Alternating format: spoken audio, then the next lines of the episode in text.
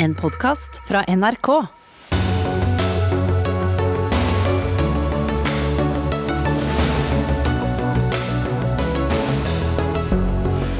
Foreldre som, foreldre som sutrer pga. skolestreiken må skjerpe seg, mener eh, Rødts Mimir Kristiansson. Samtidig trappes streiken ytterligere opp, og enda flere familier blir rammet. I dag ble filmen 'Krigsseilerne' Norges Oscar-kandidat. Men nå er det på tide at vi bruker penger på film som handler om noe annet enn andre verdenskrig, sier regissør. Gravide ønsker seg alt fra jordmødre som ikke har hestehale, til jordmødre som er etnisk norske. Hvor viktig er ønskene fra fødende før de skal gjøre kanskje livets aller største bragd? Og hvem har det verst? De som nå for aller første gang opplever kraftige renteøkninger, eller de som hadde rente på 15-16 den gang da? Da sier vi riktig god kveld og velkommen til Dagsnytt 18 denne mandagen. Jeg heter Espen Aas. Lærerstreiken trappes opp nok en gang. Onsdag blir ytterligere 300 lærere tatt ut etter at forsøkene på mekling i lærerstreiken i helgen mislyktes. Det betyr at enda flere barn står uten tilbud, og at enda flere foreldre nok ønsker at streiken snart er over. Men de må slutte å sutre og rope på streikeslutt, sier du Mimir Kristiansson, stortingsrepresentant for Rødt til VG. Hvorfor det? Nei, Det var sikkert dumt å bruke det ordet sutre, eller å la VG bruke det ordet, for de som fant det på. Men min bekymring er at det nå blir et stormløp mot myndighetene og regjeringen for å gripe inn i denne streiken ved tvungen lønnsnemnd. Og at mange foreldres helt reelle bekymringer over at ungene deres ikke får gå på skolen, blir brukt som et ledd i å innskrenke streikeretten i Norge. Og hvis regjeringen til slutt lar seg presse til å gripe inn med tvungen lønnsnemnd, så vil det bety en betydelig innskrenkning av streikeretten.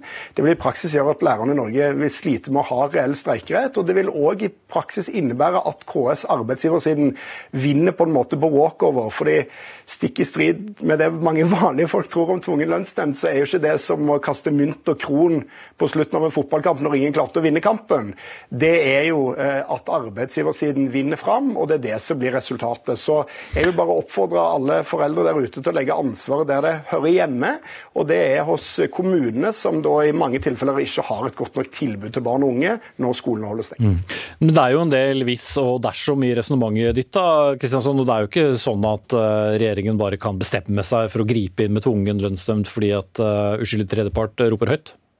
Nei, og regjeringen har jo hittil avvist det. Det er jeg veldig glad for. Tonje Brenna har sagt at det er opp til partene å finne en løsning. Det har hun helt rett i.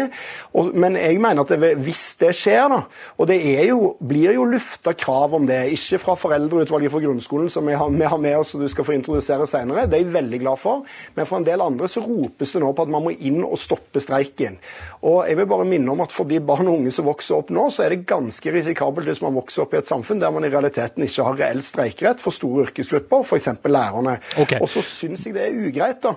Ja, ja eh, Siden du egentlig har sagt det du sier nå uansett, så setter jeg over til mannen du uh, tok over jobben med å introdusere. Marius Kremer, du er altså selv pappa til skoleelever, og da er leder for det som heter det nasjonale foreldreutvalget for grunnopplæringen.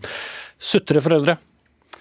Nei, altså vi, vi, foreldre vi respekterer selvfølgelig lærernes rett til å streike, men jeg tenker at man må også respektere foreldrene sin rett til å si ifra. Uh, uten at man skal kalle dem for sutrende. sutrete. Og vi snakker jo på vegne av barna våre, så det er det kjæreste vi har. Og jeg tenker at Det ektefølte engasjementet som vi foreldre har og viser frem nå, det er egentlig bare et kraftig signal og en anerkjennelse til det både lærerne og kommunene står for uh, i daglig når de, når de har skole. Men hvem opplever du har det største ansvaret når det gjelder denne konflikten, da?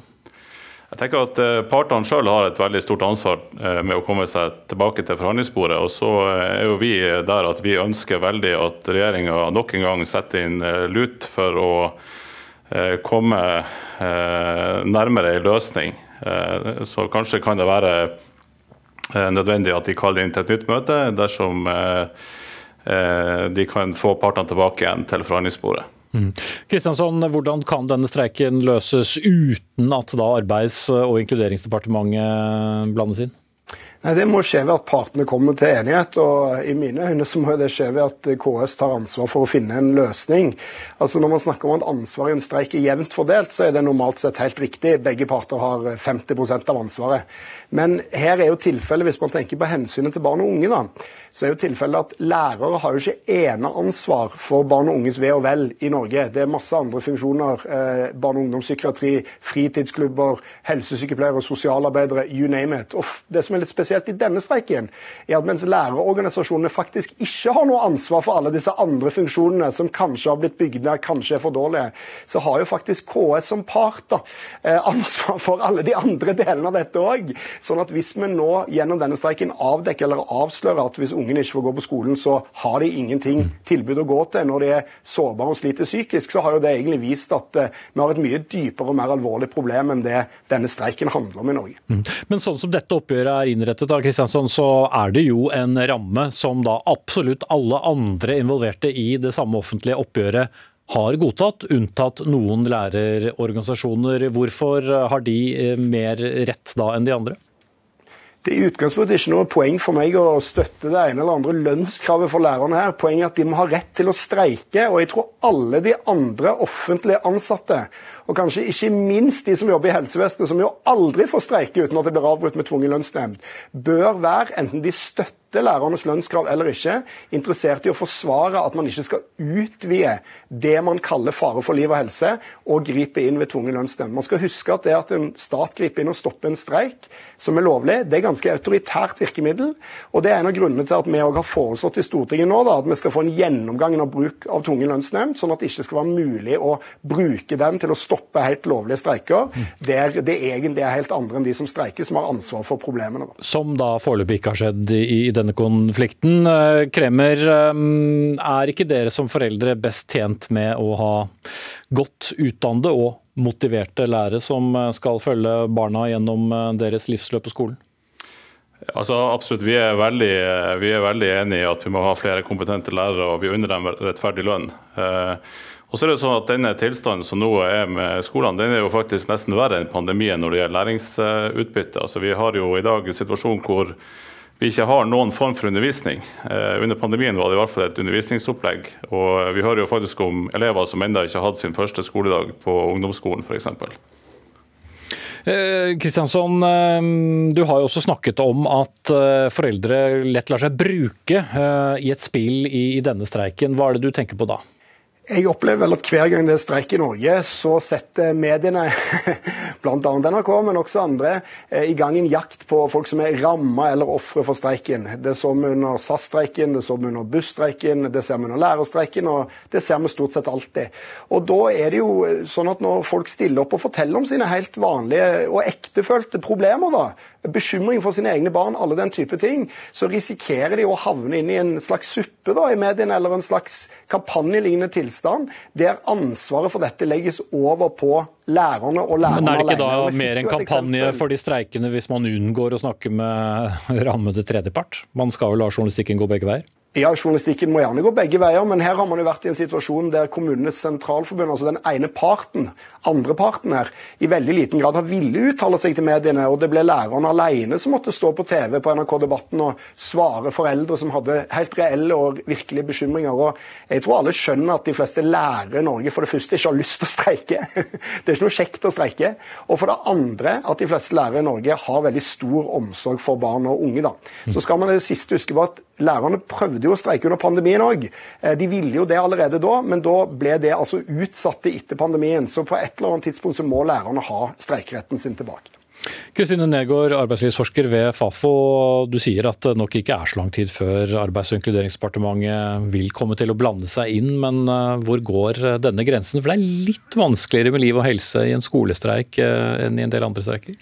Ja, det kommer nok til å hvis det kommer en lønnsnemnd, og det er jo ikke sikkert, det er jo fortsatt mulig å bli enig gjennom forhandlinger. Eh, men da er det jo interessant å se hva er det som blir begrunnelsen. Fordi vanligvis så snakker man om liv og helse, og om ganske konkrete utfordringer. F.eks. at det ikke er nok folk på et sykehjem i Oslo. Eh, men man bruker jo også litt bredere begrunnelser. altså Man har jo bruker lønnsnemnd i Nordsjøen pga. store samfunnsøkonomiske uh, utfordringer med konflikten. Og man har stoppet uh, streiker hvor man både har brukt litt sånn konkrete utfordringer knytta til helse. Og man har også da sagt at dette her har vært konflikter som har gått lenge, som rammer mange, og som er fastlåste. Mm. Ja, At denne er fastlåst er det jo ingen uh, tvil om. Uh, flere meglinger har vært forsøkt. Regjeringen som vi har vært inne på, venter foreløpig og sier at det er opp til, uh, til partene. Men hvordan kan du se for deg at dette skal løses når partene står så langt fra hverandre? Nå har det jo vært i møter eh, hos Riksmegleren flere ganger, og det burde jo være mulig å komme fram til en løsning i en sånn arbeidskonflikt. Man gjør jo veldig ofte det. Det er jo de færreste streiker som ender med lønnsnemnd.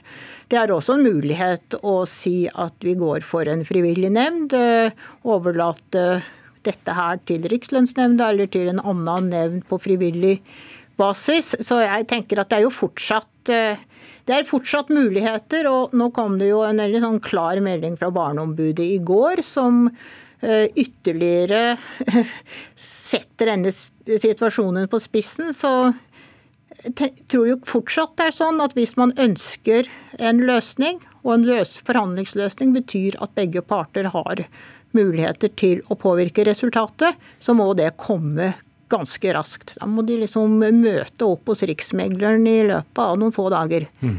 Men det er jo vanskelig i den forstand at dette er jo eh, del av kommuneoppgjøret, eh, hvor det forhandles da for mange kommunalt ansatte samtidig. Og så har noen godtatt og noen ikke godtatt. Og hvis da de som lar være å godta skal få mer enn de som har godtatt, så ja, hvordan står KS da? Ja, det blir krevende. Så det er klart det som ligger der, er jo f.eks. om man da kan gjøre noen lovnader frem mot neste lønnsoppgjør. Det har jo KS heller ikke spesielt lyst til å gjøre, men det er i hvert fall en mulighet. Og det går an å tenke seg litt mer sånn generelle lovnader om at nå skal vi se alvorlig på lærernes lønnsnivå osv. Og det har jo åpenbart vært lagt noen eh, løsningsforslag på bordet hvis vi skal tro på megleren, og det må vi jo gjøre. Så eh, det er eh, ofte muligheter å finne en løsning hvis begge parter har skikkelig lyst til å komme ut av denne konflikten. Og her er det jo Det har gått veldig lenge. Det er en stor utfordring for kommunene som ikke klarer å tilby barn og unge skole. Og det koster jo også mye for disse organisasjonene. De, eh, det lekker skikkelig fra streikekassa i Utdanningsforbundet for tida. Mm. Samtidig som eh, kommunen sparer mye penger i lønnsmidler. Eh, det ble kjent i dag at statsministeren selv skal ha tatt initiativ til meglingsrundene i helgen. Hvordan skal vi tolke det kort til slutt? Det tror jeg viser hvor alvorlig regjeringen nå ser på denne situasjonen. Mm. Ok, vi får uh, se hvor, hvem, hvem, som holder ut uh, lengst, eller om uh, begge velger å, å, runde av samtidig. Kristin Nergård, arbeidslivsforsker ved Fafo. Takk til Marius Kremer også, som er leder for det nasjonale foreldreutvalget for grunnskoleopplæringen, og stortingsrepresentant for Rødt, Mimir Kristiansson.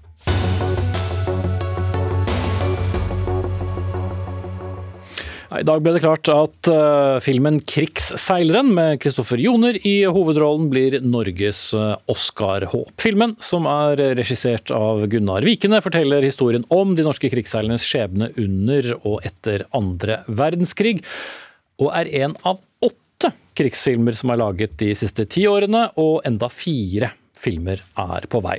Krigsfilmene er med andre ord mange, og ifølge Norsk Filminstitutts egne tall er de også dyre. og Det går på bekostning av andre norske filmer. Det mener du, filmskaper og styremedlem i Oslo Filmfond, eh, Ulrik, Ulrik eh, Imtias Rolfsen. Eh, hva er det vi går glipp av? Det er klart at uh, Hvis det lages så mange filmer på få år, som koster vesentlig mye mer enn andre filmer gjør i snitt, så går det utover filmer som er smalere, som er mer kunstneriske. Eventuelt bare samtidsfilmer som er også veldig populære, men som ikke da får en sjanse å bli laget. Mm. Kjersti Moe, direktør Norsk Filminstitutt. Er det lett å gi norske krigsfilmer støtte fordi de er innbringende? Jeg vil si at det er, eh, det er, ikke lett å få tilskudd til å lage film i det hele tatt. Det er veldig dyrt å lage film, og det er eh, alltid fryktelig mange flere som får avslag enn som får tilskudd. Så det er ikke lett å få tilskudd til å lage eh, film i det hele tatt. Men hvorfor er dere så begeistret for krigsfilmer?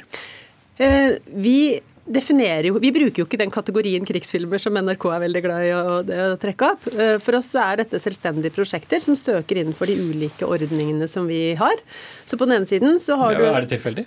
Eh, de eh, har jo vist seg da å levere godt på de kriteriene for de ulike ordningene. Så Innenfor det som heter markedsordningen, så er det jo det å kunne treffe et stort publikum som er, et, som er det viktigste kriteriet. Dette vurderes av et uavhengig panel Eh, som ikke er Filminstituttets egne.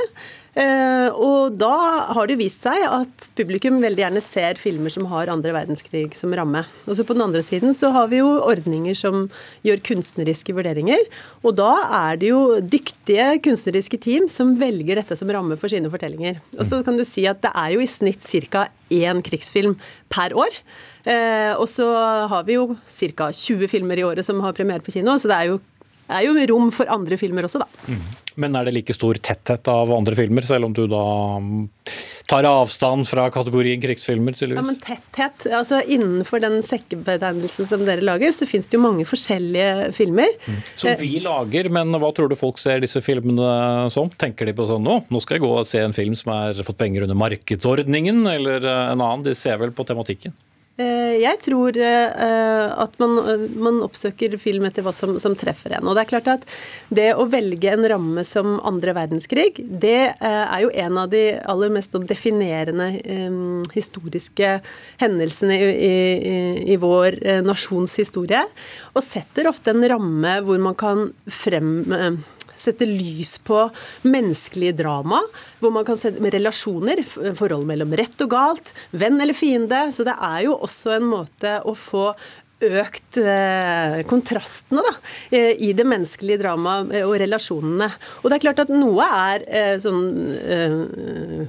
kan man liksom si på slagmarken, mens det for krigsseileren, som har, eh, vi har eh, utpekt til Oscar-kandidat fra Norge i dag, det, de kaller seg jo selv en antikrigsfilm, som eh, legger vekt på rent sivile eh, ofre i, i men, krigen. Men fra samme tidsepoke, da. Ja. Men Rolfsen, så lenge publikum ser ut til å ønske å gå og se disse filmene på kino, hva er da galt med å gi dem støtte?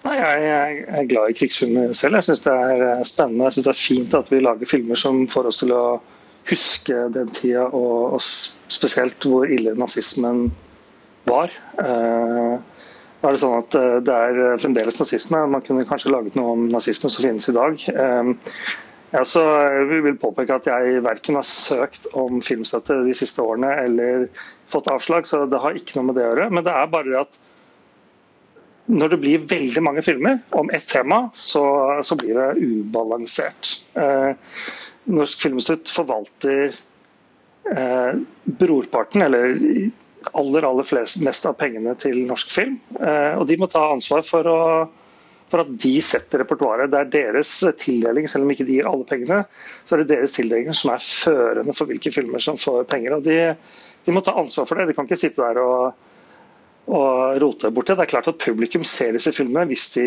får støtte og de blir laget. og Det er flotte filmer. Jeg må gratulere Gunnar med, med, med, å bli sendt som Norges bidrag til, til Oscar. Og, ja. Ok, Vi holder oss bare til, eh, til, debatten. da. Mo, hva slags ansvar har dere da for, for mangfoldet i, eh, i, film, når dere fordeler eh, pengene? Vi har et ansvar for det, og vi tar et ansvar for det.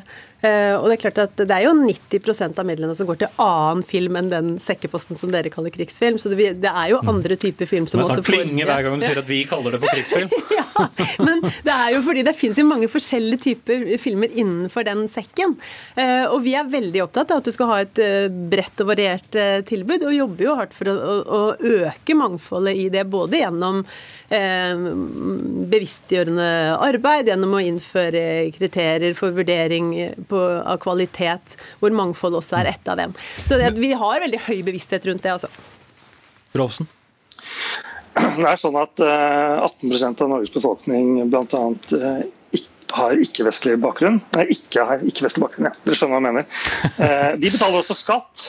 De fortjener også å få kultur som er laget om seg og, og av seg. Og Norsk Filminstitutt har selv brukt meg som en sånn posterboy for å si at å, vi lager filmer for mangfoldspublikum. Men når de gir penger, så gjør de jo ikke det da tydeligvis. I fjor så var det ingen uh, filmskapere med ikke-etnisk bakgrunn som lager film. Og de kan ikke gjemme seg bak dette her. De må, de må stå for det de gjør. De har gitt penger til tolv uh, krigsfilmer, og det er greit. Det er fine filmer, og det er bra folk som har laget dem. men uh, Tenk annerledes, tenk bredere og tenk på hele befolkningen. Mm. Vi, vi, dette gjør vi jo. Eh, og Vi har jo også jobbet med mangfold blant de som vurderer prosjektene hos oss. Så har jo nå en bredere sammensatt konsulentgruppe som gjør de vurderingene enn det har vært noen gang før. Det kommer til å synes også på, på de filmene som kommer etter hvert. Og så har vi jo satt i gang nå for å måle hvordan er forholdet mellom inngangen på eh, sammensetningen i eh, søkebunken og i tildelingene, sånn at vi også kan følge opp og se om det er, står relativt eh, sett stemmer overens. Da. Så dette jobber vi veldig aktivt med, og jeg er helt enig med, med uh, Ulrik, i at det er viktig at vi har uh, filmer som folk kjenner seg igjen i, som er relevante og som speiler vår tid. Og dette er veldig høyt på vår agenda. Mm. Eller vår fortid, da, i dette tilfellet. Men uh, Rolfsen, har ikke Kjersti Moe et poeng at en, en, krigsfilm er ikke nødvendigvis en krigsfilm? altså Det kommer litt an på hva du uh, spiller inn av en historie. Det kan være en veldig personlig film. Uh, ja, du kan legge, legge mange forskjellige rammer rundt historiene. Selvfølgelig. Det er mange måter å gjøre det på. og det er klart at Den nye filmen om Quisling kommer til å bli spennende. handler om ikke heltene, men, men de som, som var antihelter eller syndere i, i, krigen. og det, det, er klart at det, det, er viktig å fortelle men, men, det er også mange andre historier i Norge som er viktig å fortelle. Det er mange andre historiske epoker det er viktig å fortelle fra. og Det blir bare litt ensformig. og, og jeg tror også publikum kan gå litt lei. da. Vi får uh, se hva de velger å, å se på kino. Ulrik Imtias Rolfsen, filmskaper, og Kjersti Moe, direktør i Norsk Filminstitutt. Rulleteksten går for dere akkurat nå, iallfall.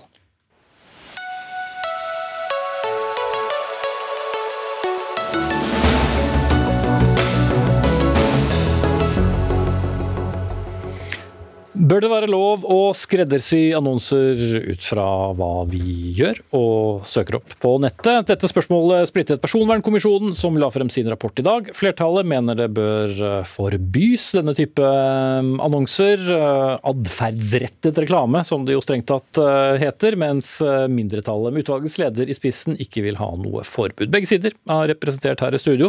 Vi begynner med mindretallet og deg, Ingvild Næss. Du er nestleder i, i kommisjonen og jobber til daglig Skipsted. Hvorfor bør vi ikke ha forbud?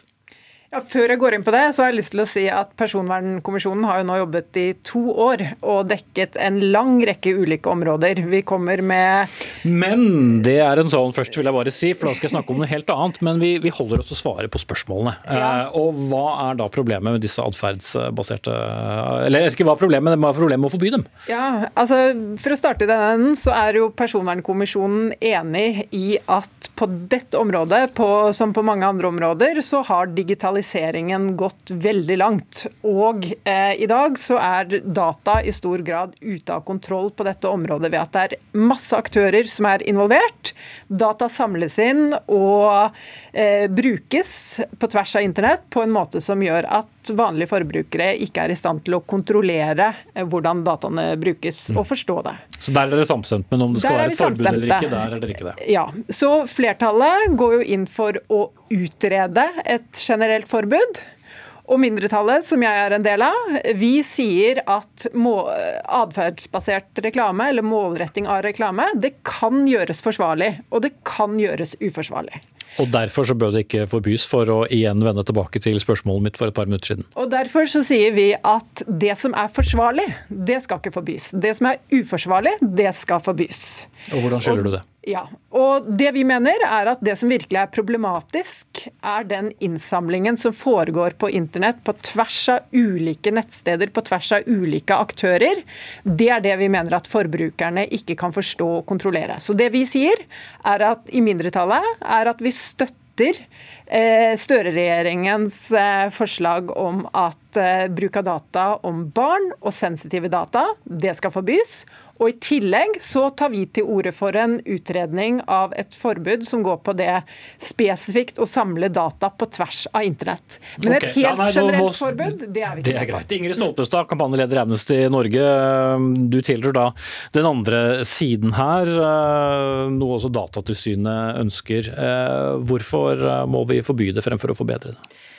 For å spore tilbake, eh, Problemet her er jo at når jeg er online, som jeg i praksis er nesten hele tiden, og det er jo de fleste av oss, så samles det inn data om egentlig alt jeg gjør. Og Dette brukes for å plassere meg i ulike kategorier, og de igjen brukes for å målrette reklame mot meg.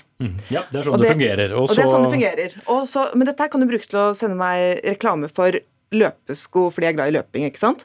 Men det kan også brukes til å vise meg reklame for kredittkort fordi jeg har dårlig råd. For det har denne massive overvåkningen meg gjør eh, identifisert at jeg har. Eller sende meg reklame for fertilitetsprodukter fordi jeg sliter med å få barn, f.eks. Denne massive innsamlingen av mine persondata og egentlig alt jeg gjør, det er et stort brudd på retten til privatliv. Og i tillegg åpner det opp for eh, å utnytte mine mest sårbare sider. Og Derfor mener jeg at forretningsmodellen må forbys. Og, men, men da forbyr du alt, eller? Nei, Da forbyr, vi, eh, da forbyr man rett og slett denne innsamlingen av eh, data utenom mitt, min mulighet til å gi noen som helst form for meningsfullt samtykke, og utenfor min kontroll. Det er umulig for meg å vite nøyaktig hva som skjer med alle, all den dataen, all informasjonen om meg, som kan være veldig personlig, som jeg legger igjen på nett. Men hva er da galt med mindretallets øh, innstilling? Det er flere ting. Ehm, For det første, nettopp som du selv var inne på, hvem skal gjøre denne avgrensningen av hva som er greit og hva som, er, og hva som ikke er greit. I tillegg, hvis man skal faktisk føre tilsyn over eh, for å rett og slett kunne eh, holde de ansvarlig, de som da går over til det som man da kan kalle for uansvarlig. Eh, hvem skal gjøre det? Hvor mye ressurser må de ha for å ettergå alle de i, sømmene? Vi tror i praksis at det ikke blir mulig. Og så skal jeg si at det kommisjonen har gått inn for, er eh, å utrede et eh, forbud. Og det tror vi er veldig, veldig fornuftig, og vi kan ikke helt se hva som skal være så farlig med det. Det skal du få svare på, Ingvild Ja, og jeg tror For å starte på det poenget du tok opp knyttet til håndheving, så er det et sentralt poeng for oss i mindretallet også. For vi Men, men ta heller tak i det siste, som var hva er problematisk med å utrede det? Ja, altså eh, Utgangspunktet vårt er helt klart at målretting kan gjøres forsvarlig. Eh, og da mener vi at det er rett og slett et uforholdsmessig inngrep å forby det.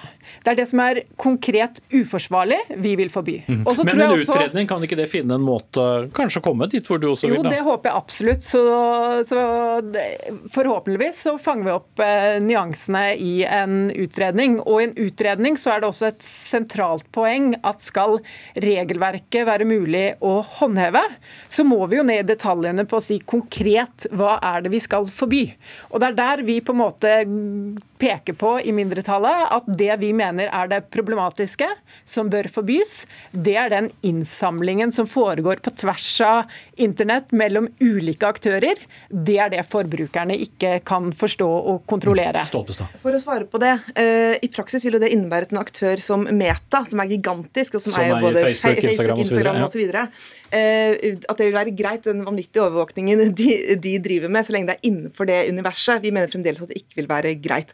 Så vil jeg også si Amnesty er ikke mot målrettet reklame. Det kan være veldig bra og, og nyttig, men det fins alternative måter å målrette reklame på. Man kan få kontekstuell reklame, som betyr at hvis jeg er inne på en eh, artikkel om uh, løypeføre i marka, så får jeg da reklame for ski. Eller så kan vi se for oss at jeg oppgir da, at jeg er interessert i reklame om eh, hundemat og blomstrete kjoler, og så får jeg det. Eh, Og Det, det finnes slike alternativer, og det er det også naturlig at en utredning, eh, at en utredning ser på. Men for oss som Amnesty så er hovedpoenget her å påpeke menneskerettighetsbruddet som vi Ja, for det er det jeg skulle til, for det dere, dere peker på. Hvorfor er, blir personvern og menneskerettigheter samme ting?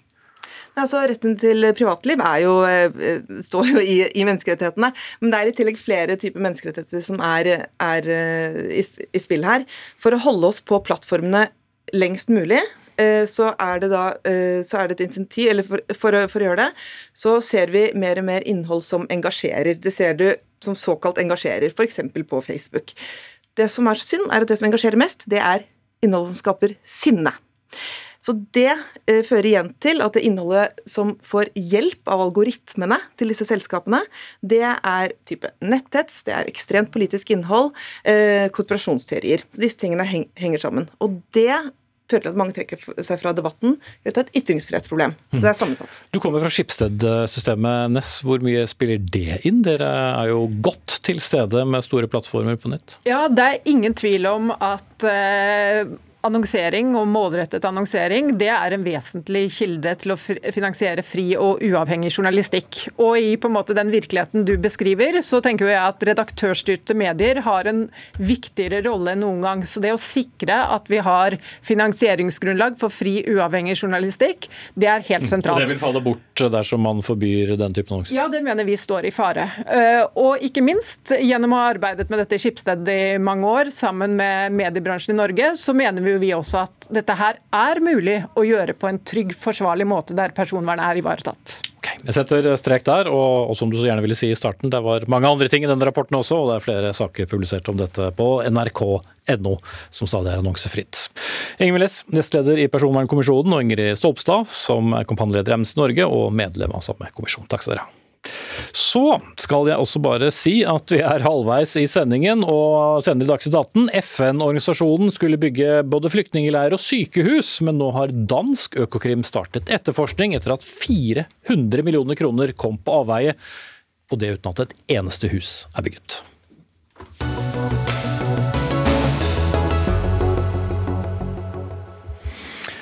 Ja, Dere som følger Dagsnytt 18 vet at vi er veldig opptatt av eh, renter i dette programmet. Men eh, har eh, vi noen grunn til å syte over disse doble rentehevelsene når renta uansett bare er en liten brøkdel av hva den var for 20, 30 og kanskje opptil 40 år siden? Torsdag satte som kjent Norges Bank opp styringsrenta med et halvt prosentpoeng igjen, og varslet enda et rentehopp i november. Bankene har eh, fulgt opp, og mange kjenner det på kroppen. Men eh, så var det noen som skrev på Twitter. Jeg leser ofte fra eldre på min alder at da vi kjøpte bolig var renten 13, 14 og 16% Underforstått, dagens nivå er ingenting å sutre over. Det var deg som skrev dette, Tom Stove. Du er informasjonsdirektør i Finans Norge. og Du merket jo hvor mye liv det er uh, på Twitter, for å si det sånn. Men, uh, for et engasjement! Helt utrolig. Men uh, er det så enkelt som du forsøkte å skrive? Nei, selvfølgelig er det ikke så enkelt. Altså, men, men, hovedpoenget mitt, da, og det som, det, jeg, det som er liksom materien i det jeg forsøker å få frem, er at jeg faktisk syns litt synd på unge mennesker i dag. Fordi de har jo blitt fanget av et politisk system og en økonomisk utvikling som har gjort at de er litt truet eh, på individnivå til å låne, ha lånt mye penger for å kjøpe seg en bolig. Og nå stiger rentene. Og for de unge, og vi ser at det er jo det særlig unge som har høy gjeld, eh, og for dem så er rentestigning nå faktisk en eh, ganske tung bør å bære i en periode hvor prisene stiger generelt og energiprisene er høye og en del andre ting. Mm. Så jeg tenker at eh, jeg er litt lei av den der, for jeg hører det stadig vekk. altså sånn, Som kommer til meg og sier liksom ja, da jeg var ung, da var det 12 og 13% og sånn. Det har jeg ikke noe å klage over, liksom. Men, og, og, det synes jeg, og, det, og det, det, jeg mener det er et viktig poeng til her òg. Hvorfor jeg også har veldig sympati med de unge.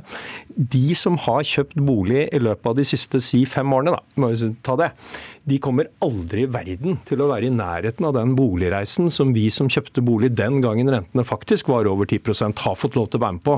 Fordi vi har blitt eh, voldsomt rike av bare boligprisvekst i denne mm. perioden. ikke sant? Men hvis vi spoler da tilbake til den gangen Harald Magnus Andreassen, sjeføkonom i Sparebank1, 16 eh, rente, og jeg husker kanskje du måtte godta sånn 25 års eh, løpetid.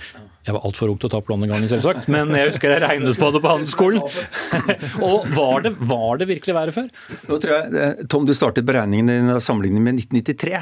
Eh, og av og til er det fordel å være litt eldre. Og jeg er da noen år eldre enn deg. Og jeg kjøpte vel min første bolig, eller vår første bolig, i 1986. Og i året etterpå, eller 1988, så var boligrenta oppe i over 16% i gjennomsnitt, og noen hadde mer enn det. Uh, og uh, hvis du bare først har en veldig enkel beregning, da, sett at du bare sier at du skal kjøpe en bolig til prisen som, som, du hadde den gangen, da var ca. 800 000 for en gjennomsnittsbolig på toppen av sykelen i 88. Mm. enebolig kanskje en million. Og så deler du på inntekten, som den gangen var rundt 155 000, og så gjør du det samme nå i dag og så ganger du med renten, så ser du i måte hvor stor del av inntekten din må du betale i rente etter skatt. For å finansiere en bolig som kjøpes på det markedet. Og har den inntekten vi har den på det tidspunktet, så er det faktisk sånn at i, i, på toppen i 88 så måtte du bruke halvparten, halvparten av inntekten din betaler rente på det lånet hvis du fullfinansierte. Alternativet var at du tok penger i banken, men det kostet også, for da fikk du ikke renteinntekter. Så det er en sånn bruttoberegning. Halvparten. Mm. Når, tok, når, du kjøpte din bolig og du kom inn, hvis det var 93, så hadde faktisk boligprisene falt 50 og inntektene hadde steget, og renta hadde falt masse. Mm. Så du betalte eh, rundt 20 i stedet for 50 og så var det skatte, skattereform i 1992. Ja, også, det er mer regnestykke, så det, alt er tatt hensyn til her. Eh, og så er det sånn nå da, Etter dag så ligger vi på Hvis du må kjøpe en gjennomsnittsbolig, nesten 5 millioner kroner, med en gjennomsnittlig inntekt på drøyt 600 650 000, og ganger med renten, så får du en belastning på eh, si 25% av inntekten din. Den ble den på 10 da renten var på det laveste. Men det var det samme nivået, og litt høyere i 2008, det samme i, 2000, i år 2000. Så det vi ser nå er ikke en, en spesielt høy uh, rentebelastning i, sånn, i, å kjøpe ny bolig. Og tar vi husholdningen samlet, så har gjelda økt mye. Og for mye, tror jeg, da. Uh, mer enn vi burde. Og det er kanskje politikken og, og renten har bidratt. Men uh, gjeldsbelastningen for husholdningene samlet mener Norges Bank kommer opp i 8% av inntekten. Den var på 12 for all gjeld i 1987 på toppen. Okay. Så vi har vesentlig mindre gjeld. Ja, mindre gjeldsbelastning. Den skal få komme til orde. Ja, men, men eh, altså, eh, nå valgte du et eh, perfekt dårlig tidspunkt uh, for meg. men du har likevel gjort en ganske god butikk på de 800 du kjøpte bolig for i 88. Det er jeg ganske sikker på. Uh, noe dagens unge neppe kan få lov til å være med på den samme reisen på. Uh, og så valgte jeg et perfekt godt tidspunkt, fordi at jeg da kjøpte etter at boligprisene hadde falt så mye. Og, og, og, da gjorde ikke så gærent. Nei, nei, nei jeg, jeg kjøpte Før, før vi forviller oss i alle anekdotene, så tenk på de som hører på. Hvor, når var det verste, og hvorfor? Nei, altså det helt, Jeg tror at eh, perioden fra 86 og frem til 91 det var et perfekt dårlig år å kjøpe bolig for, fordi at vi fikk et ganske stort boligprisfall etter at vi hadde en uh, skattereform på slutten av 80-tallet og en ny skattereform, den store, i 92. 92. Det, var ikke det var ikke derfor boligprisene falt? Nei, ikke, men, men, det var også delvis fordi at verdien av rentefradraget ble veldig mye mindre i den perioden. Ja.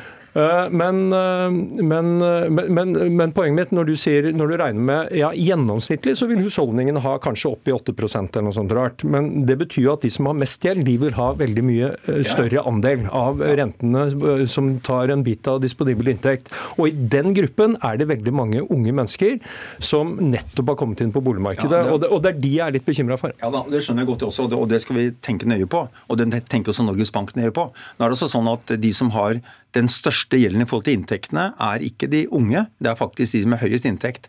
Inntektskategori, de to, første, eh, to øverste delene, hvis du deler i fem grupper, så er det de grupper fem fire og fem på inntektsfordelingen som har mest rente. Hvem er det for oss som ikke har den plansjen slått opp eh, ja, på do? Det er folk med inntekter som er godt over det gjennomsnittlige, har den høyeste gjelden i forhold til inntekten og får den største smellen når renten nå stiger. Og, og det, er, det er, Samtidig som jeg sier det, det var enda verre før. Nå skal vi legge den tilbake. Det har vært enda verre før innimellom. Så, så er det sånn at det er klart at eh, det er viktig nå å vurdere hvordan renteøkning virker på folks økonomi. Eh, og jeg skjønner det stresset nå mange føler. Og som du sier, mange har nå kjøpt bolig det siste med svært høy, med fått en svært høy gjeld. Og heldigvis, Norges Bank ser utrolig nøye på det. De gjør en vurdering av hvordan renteeffekten er på de ulike husholdningsgruppene.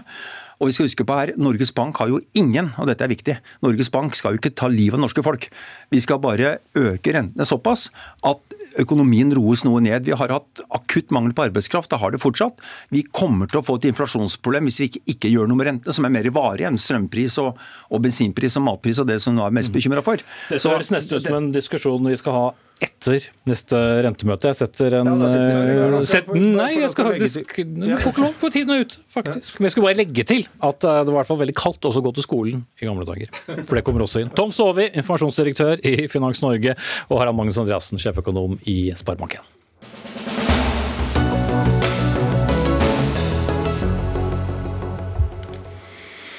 Nå om noe av det tøffeste du kan gjøre i livet enten å bli født eller det å føde. Gravide som eh, nærmer seg termin, skriver ofte det som kalles et ønskebrev eller et fødebrev, med forventninger til fødselen som en jordmor kan iallfall lese. Om det går som man ønsker, er en helt annen sak. Men i Stavanger Aftenblad i dag kunne vi lese om noen av ønskebrevene til en ny generasjon fødende, hvor det kommer opp ønsker som vil ikke ha jordmor med hestehale, ønsker ikke et ID-kort som dingler rundt halsen, og ønsker seg en jordmor mellom 35 og 50 år. Marit Haldon Kristiansen, avdelingssjef ved kvinneklinikken på Stavanger universitetssykehus. Du mener ikke at dette har et så stort omfang, men dere overraskes kanskje litt av noen ønskene likevel? Ja, altså dette her er jo som dere snakka om i stad, et innlegg som skaper sinne, og det ser jeg jo i kommentarfeltet. Så for å dra en eh, Dagsnytt 18-klassiker, det er først, vil jeg si, det er ingen eh, fødselshjelpere som syns det er dumt å skrive ønskebrev. Men klart at ønskebrev eh, det kan komme sant, noe, Mye av det som skrives er helt selvsagt. Mye er nyttig. Noe er veldig konstruktivt. Og så er det disse her, den lille minoriteten som kommer fram her, som rett og slett ikke er spesielt konstruktivt. da som ønsker om etnisk norsk eh, jordmor, hårfarge osv.?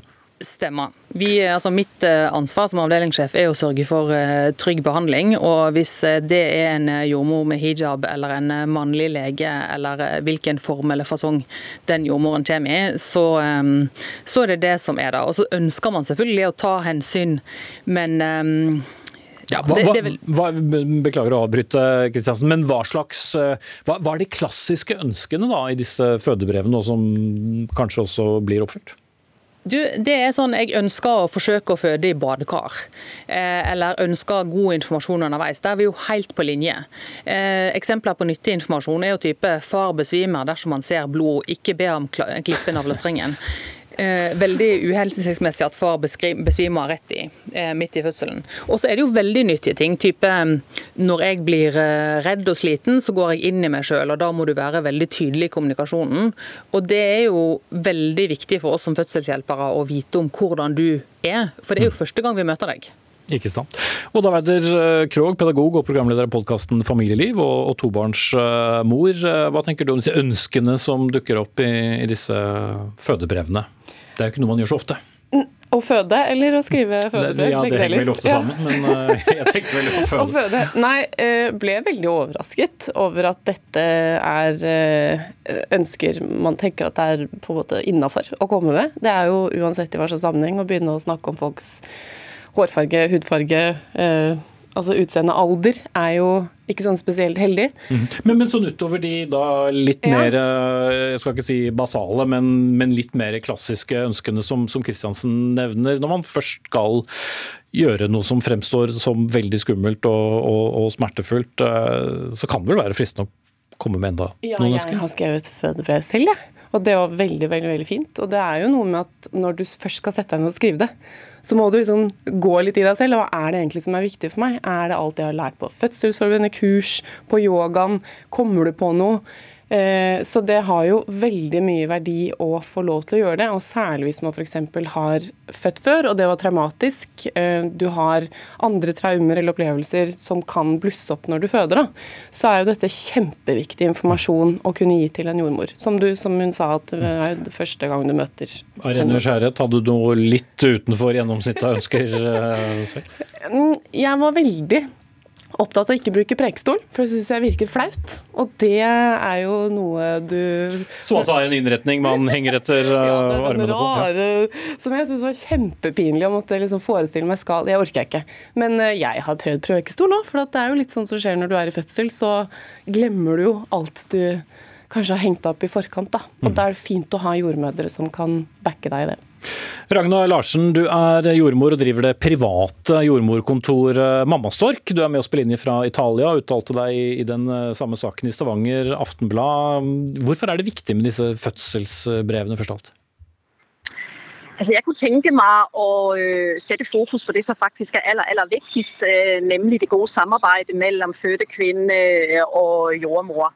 Øh, og egentlig se bort fra det med hestehale og hudfarge og alt sånt. Fordi øh, det gode samarbeidet er det som skal til for at kvinnen kan få en god fødsels, øh, fødselsopplevelse. Og når man tenker fødsel, så er det sånn at å føde barn det er kanskje det råeste og villeste, og også mest sårbare en øh, kvinne gjør. Og i den forbindelse kan man si at når hun er trygg, så føder hun rett og slett øh, bedre. Øh, Og jeg tenker det egentlig er samarbeidsdokumentet vi skal hen til. Det der med at kvinnen aldri har hilst på den jordmor som faktisk skal hjelpe henne i fødselen. Det er jo ikke sånn fødselsomsorgen er organisert i dag, at vi kjenner hverandre, sånn som Marit også sa. Så det der med å komme med noen tanker om hva er viktig øh, for meg Eh, øh, Jo, jeg skjønner er det, men jeg bare prøver å konkretisere litt eh, hva som kan være en, en grenseoppgang. Som f.eks. Eh, ja, jeg syns det er fint om min jordmor snakker godt forståelig norsk, så vi kan kommunisere over det hele. Jeg vil gjerne at vedkommende skal eh, være erfaren. Altså hvor hvor går grensen for eh, den som føder, og ikke minst de som er ansatt eh, og skal eh, ta imot barnet? Mm. Jeg, tenker som, jeg tenker som sånn at du skal tenke at øh, når en kvinne føder, så gjør hun det kanskje en eller to eller tre ganger i livet sitt. Og at vi som jordmødre og fødselsleger er med på riktig riktig mange øh, fødsler. Så jeg syns i langt ut, så langt det går at vi skal være med og imøtekomme de ønskene øh, en kvinne har. Og Det som er viktig å få frem, det er jo hva som er spesielt for akkurat henne. Det kan være hun, at det er noe hun er spesielt bekymret for eller redd for i fødselen. Det kan være hun er typen som liker veldig tydelig pepping og, og øh, guiding i fødselen. Det kan også hun være, være hun er mer forsiktig av seg og trenger øh, å si det. Jeg syns det er vanskelig å si ifra, øh, så informer meg gjerne jordmor. Alle de her tingene som øh, ja, ok, Jeg skjønner, skjønner hvor du vil. Det blir jo fort litt generelt igjen. Hvis jeg går tilbake til deg i, eh, i Stavanger, Kristiansen. Er det noen grenseoppgang? Og Hvis jeg går tilbake til mine to egne eksempler, dette med eh, norskkunnskaper, erfaring osv. Er det ting man bare Vet du hva, det får Nei, altså, Det kommer an på en som er på vakt. norskkunnskap og, og eh, altså, du, du må jo kunne snakke norsk eller et eh, skandinavisk språk og ha, dokumentere det for å kunne jobbe som eh, jordmor. Og Det tror jeg er gjengs på alle fødeavdelinger i Norge. Um, og så er det jo erfaring vi har jo, alle vet at det er nasjonale, eller De fleste vet at det er nasjonal jordmormangel i, i eh, Norge. Vi prøver jo å ha eh, så erfarne jordmødre vi har, men det er jo et team. Sant? Det er jo et teamarbeid. som eh, så Ønsker du erfaren jordmor, så forsøker vi selvfølgelig det. Men dersom det er en fersk jordmor, så har hun en erfaren eller flere erfarne å støtte seg på. da. Mm. Jeg tenker også at Et av de store eh, utfordringene som kommer frem i den debatten, her, er jo at systemet er jo ikke tilrettelagt sånn at alle får skrevet et fødebrev som eh, blir dette gode samarbeidsdokumentet med jordmødrene. Jeg, altså mitt råd til barselomsorgen man må lage en mal. Dette ønsker vi å vite om deg. Har du født før? Altså Med spørsmål, og sånn at det er lettere å vite. altså fokus, Legge mitt fokus som skal føde, på relevant informasjon Nettopp sånn at vi får skrelt bort alt som vi på en måte ikke kan kontrollere eller nesten har noe med, da, hvis det er lov å si. Mm. Så, så hadde man unngått uh, en del av disse? Jeg tror det, da. Og, og jeg, jeg vet at noen sykehus le, har jo sånne maler for fødselskvinner, men jeg tenker at dette burde man jo komme med mye før. Komme med det på helsestasjonen på siste sjekk før termin. Gi mor her er, her er fødebrevet som du skal fylle ut, så har du med deg det. Så, så unngår vi jo også at mor får masse forventninger. fordi altså Jeg hadde to sider med spillelister, og det var liksom ikke måte på. Og det ble ikke noe musikk, for å si det sånn. Men hadde jeg kanskje rettet fokus enda litt mer, så hadde jeg ikke vært så opphengt i ting det jo er når man er så sårbar, da. Har en eller annen slags forutdannelse, som du er kanskje ikke helt uenig i det, Kristiansen? Jeg er kjempeenig. Det er deilig å kunne bare sitte og nikke. Eh, vi har en mal, eh, og de utformes ofte i samarbeid med jordmor i eh, kommunen. og Det er kjempenyttig når de kommer inn i forkant. Og så har vi jo nå da fått gitt en ganske god oppskrift her i ettermiddag om hva som, hva som er nyttig å ha med i et fødebrev. Ja, for Du har fått også, så vidt jeg skjønner, en del tilbakemeldinger fra, fra kolleger som, som, setter pris på at dette blir, blir, tatt opp. Noen opplever det også som, som sårende å høre at man kanskje ikke vil ha en så godt voksen jordmor eller ung? Ja, det er klart at det er kjipt. Eh, altså, jeg har hatt både feil kjønn og feil alder eh, som, eh, som doktor. Jeg. Og det er jo Stort sett så tenker jeg at ja, jeg kan det jeg kan, men, men vi er jo også folk. Og det kan jo hende at du da har en dårlig dag, og at det rett og slett kommer litt i veien for, for at du får gjort ditt beste. da. Mm. For vi vil jo det. Vi vil jo at du skal føde barnet ditt, ikke du, men kvinner skal føde barnet sitt trygt, og at det også skal oppleves som trygt. Ragna Larsen, eh, stadig med oss fra Italia. Hvordan skal vi møte de som kommer med mm, de litt mer uvanlige spesifikke mm, ønskene som f.eks. etnisitet, eh, hårfarge og alder? Når vi møter en kvinde første gang, når hun kommer inn til os, så er det jo typisk der, vi kigger på øh, fødebrevet og snakker med hende og prøver å kartlægge, hva er det her for en dame, og hvordan er det, vi kan hjelpe deg øh, bedst mulig. Jeg vil jo si, i alle mine år som jordmor, når jeg har stått på fødestolen, har jeg aldri opplevd øh, de her ønskene, men skulle det komme frem, så vil jeg jo ta en snakk med henne. Hva er det egentlig som ligger bak? Fordi det er klart, det er aldri ok med ønsker om spesielt hårfarge, etnisitet og alt det her. Så prøv å finne ut av, hva er det som ligger bak, og hva er det som kan gjøre denne kvinnen aller mest trygg, for det er jo det det handler om. Hva er det viktigste for deg å føle deg trygg? Det må være at eh, jeg føler medbestemmelse da, i den fødselen. At ikke hvis jeg sier jeg vil ikke være i den stillingen, så skal ikke hun altså, og det er her det er vanskelig, for at jordmor vet jo bedre enn meg. Men da skal det i så fall være en god dialog, og at jeg skal få god forklaring. Og hvis jeg faktisk ikke vil, da må vi finne en annen løsning. Ok. Lykke til! Oda Weide Krogh, pedagog, programleder av podkasten Familieliv, og også tobarnsmor Ragna Larsen, jordmor, og eh, driver også det private jordmorkontoret Mammastork. Og med oss fra Stavanger, Marit Hallon Christiansen, som er avdelingssjef ved kvinneklinikken på SOS, eller eh, Stavanger universitetssykehus.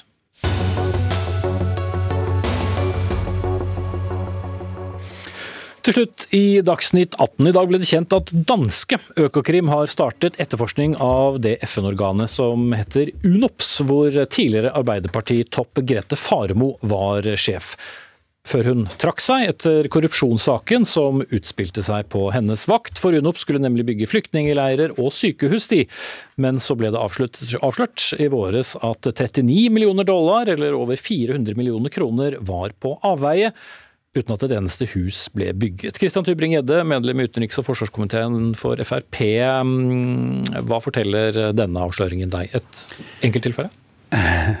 Nei, det er jo ikke det, da. For det har jeg hatt flere av disse tilfellene opp gjennom tidene. Altså, og flere blir det.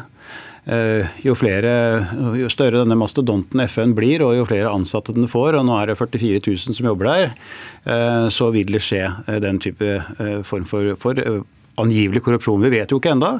Men hvordan vet du at det kommer til å skje? Hvordan kan du vite at det skjer? Fordi at det er at andre, Vi hadde oljeformatprogrammet f.eks. Altså vi har hatt andre eksempler også hvor det har blitt avslørt eh, korrupsjon av ulike grad og, og ulike al al eh, alvorlighetsgrad, men også av mange uh, aktører som er involvert. Og Nå setter danskene i gang en etterforskning av denne saken her med Faremo. Da håper jeg at altså, min motdebattant vil mene at også Økokrim Norge setter i gang en etterforskning, slik at vi får klarhet i hva som faktisk har skjedd. For ofte er det sånn at disse eh, blir, det, det blir eh, forsvinner bort, disse sakene sakene, og så begynner man å tenke på noe annet. Denne gangen er det såpass alvorlig at dette må etterforskes. Så Aukrust, er du enig i det? At Økokrim bør sette i gang? Programleder stille spørsmål her, um, men um, bare en saksopplysning. Altså, I fjor så ga Norge da 155 millioner kroner til det samme UNOPS, ifølge UD. Ingen fra politisk ledelse kunne stille her i studio, men også med Aukrust behørig uh, introdusert allerede. Første nestleder i utenrikskomiteen fra Arbeiderpartiet. Er vi litt naive på hvor vi gir penger? Det tror jeg, nei, det syns jeg ikke vi er. Eh, og det er klart Alle penger som Norge gir, skal vi følge veldig nøye med på.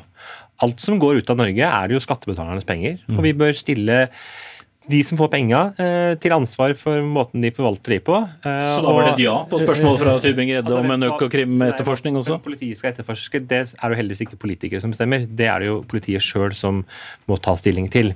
Jeg synes jo det er veldig bra eh, at hvis det har gjort, når det har skjedd alvorlige feil, og jeg kjenner jo ikke denne saken på noen annen måte enn det som har vært kommet fram i media, men når det skjer alvorlige feil, så bør vi som er tilhengere av FN, og det er de fleste i Norge, og det er veldig både Arbeiderpartiet og dagens regjering, vi bør være de første til å kritisere det. og Derfor syns jeg det er veldig bra at det nå ser ut til at det skal være en ordentlig etterforskning og opprydning av det som vi har sett der. Mm, Eh, så er selv om ikke du ønsker da nødvendigvis å.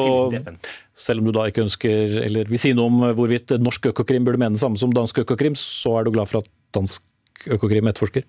Ja, Dette er jo et kontor som ligger i Danmark, så det er vel derfor det er dansk Økokrim som nå ser på saken. Om det er andre land eller andre politier som bør gjøre det, det får politimyndighetene i hvert enkelt land avgjøre. Mm.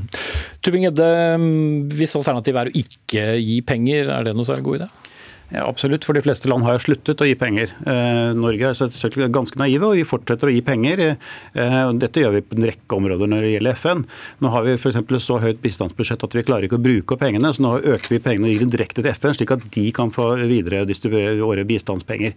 Det er jo et signal om at vi har egentlig kontroll. FN har heller ikke kontroll, og det blir ikke noe bedre tilstand i verden. Vi har altså fått flere flyktninger, mer fattigdom, mer sult, mer krig og konflikt, mer religionskriger. Dette er resultatet etter så mange år med FN, selv om det motsatte var utgangspunktet, nemlig at man skulle avverge kriger. Vi har Bosnia-konflikten, vi har Ukraina-konflikten eller krigen nå. Så mange ting de ikke har klart å gjøre. Og hvis du kan komme opp med Men ble det ikke krig som følge av bistand eller ikke bistand fra FN? Nei, men jeg sier at kontrollen fra FN, altså intensjonen til å lese hva den var for forbrødring mellom mennesker, så har det ført til akkurat det motsatte. Det er ikke pga. FN, men det er fordi at man ikke er i stand til å gjøre det som eh, var intensjonen var. Da burde man tenke annerledes, slik at du slipper disse katastrofene. og kritikken katastrofene. Et veldig byråkratisk og tungrodd system i FN er jo ikke ny, Nei, nei, Aukrust. nei, og FN er ikke perfekt på noen som helst måte, men det er faktisk det beste vi har. Det er det eneste stedet hvor hele verden møtes. Det er det stedet hvor vi har til å diskutere og få gjennomført de store endringene som skal til for å få en fredeligere og mer rettferdig verden. Jeg mener at Fremskrittspartiet gjør en kortslutning, for de ser et problem og så sier de at det er problemet svaret at da får vi kutte penger til det. Hvis du ser rundt deg i verden nå, så har vi enorme utfordringer. Du var selv inne på noen av de. Mm. Flyktningkatastrofer, klimaendringene, vi har krig på mange kontinenter, også vårt eget. Men det er jo ikke svar å si mindre internasjonalt samarbeid, eller å si at de, den eneste globale organisasjonen vi faktisk har, skal vi kutte ned på. Nei, vi må jo gjøre det motsatte. Vi må være med å ta ansvar, eh, og det gjør Norge. Norge sitter nå i Sikkerhetsrådet. Det eneste stedet, det eneste organet som faktisk diskuterer krigen i Ukraina, hvor partene også møtes. Fremskrittspartiet Rødt var det eneste partiet i Norge som var motstander av det. Jeg er jo veldig glad for at Norge sitter der og får være med og styre verden. men da blir det blir en litt annen diskusjon. Men, men Tybing-Gjedde, hva skulle beroliget deg for at penger skal kunne gå til uh, FN-systemet? Ja, Det er åpenbart at uh, revisjon av de pengene og de ulike organisasjonene, når du leser dette med Faramo og hvordan disse pengene faktisk ble brukt, som eh, hun hadde disponert det, eh, så er det klart at kontrollen var for liten. Og Dette har vi sett tidligere også i FN. Så kan man si at ja, men FN er det eneste vi har. Ja, men Når det eneste vi har ikke fungerer, så må man enten gjøre noe med det man har, eller så må man finne på noe annet. Eh, og Det hjelper ikke å si at det er så mange krigere i verden, derfor trenger vi FN. Det er så mange krigere i verden som FN ikke har klart å gjøre noe med, som var målsetningen til FN. Ja. Vi vet at det er mange som jobber der, og vi vet at Norge er veldig glad i det. Og de er veldig glad i norske penger, og derfor er det sånn at, at FN i din, dine øyne syns det er en strålende er, organisasjon. det er faktisk ikke så mange som jobber der. Og jeg tror vi skal, at, tror vi skal si at UNDP, som driver med all utviklingsarbeid, den største FN-organisasjonen, de har et budsjett som er omtrent tre ganger hva eh, man bruker på Oslo-skolen alene.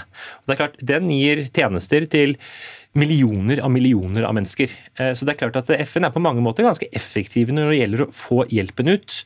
Eh, Men det er klart FN har store problemer, for FN er bare summen av hva medlemslandene deres gjør. Og jeg er jo bekymra for at det er veldig mange land i verden som nå trekker seg tilbake. Men, men handler det ikke vel så mye om systemene i FN? Én ting er noe medlemslandene, men Ja, for eh, FN er det medlemslandene er. Og Nå ser vi at det er mange land som trekker seg tilbake. Eh, Vi har hatt Trump-årene som var veldig vanskelig for FN, hvor eh, Trump kutta all støtte f.eks. til eh, FNs arbeid mot, med, med, med, med lovlige aborter. Nå ser vi at amerikanerne er tilbake, men det er grunn til å frykte at en del land i Europa gjør det. F.eks. det valget vi hadde i Italia i går. Så jeg er veldig bekymra hvis Fremskrittspartiet skulle fått gjennomslag. For Fremskrittspartiet er jo ikke mot FN bare pga. én og én sak. De har jo programfestet at de ønsker å gjøre store kutt i FN uansett, og bruker det som argument. Ja, til altså, slutt. Iran sitter nå i kvinnerådet i FN. Iran, som nå driver og brenner hijaber rundt omkring i verden, de sitter der og bestemmer hvordan kvinner skal behandles i verden. Vi har det mest antisemittiske FN noen gang. Det er flere sanksjoner mot Israel enn det er mot Saudi-Arabia og en rekke andre land til sammen. Okay, ja, nå ble det en litt annen diskusjon om FN. Tilbake til utgangspunktet, så er det altså danske Økokrim som driver etterforskningen, men de vil ikke uttale seg hvorvidt det er enkeltpersoner som er anmeldt, eller hva som etterforskes eh, foreløpig. Takk til Kristian Hubrig-Gedde fra Fremskrittspartiet og Åsmund Aukrust fra Arbeiderpartiet. Dagsnytt 18 er over for i dag. Ansvarlig for sendingen Gro Arneberg, Eli Kyrkjebø tok seg av det tekniske. Jeg heter Espen Aas. I morgen er det Sigrid Solund som leder sendingen. Takk for nå.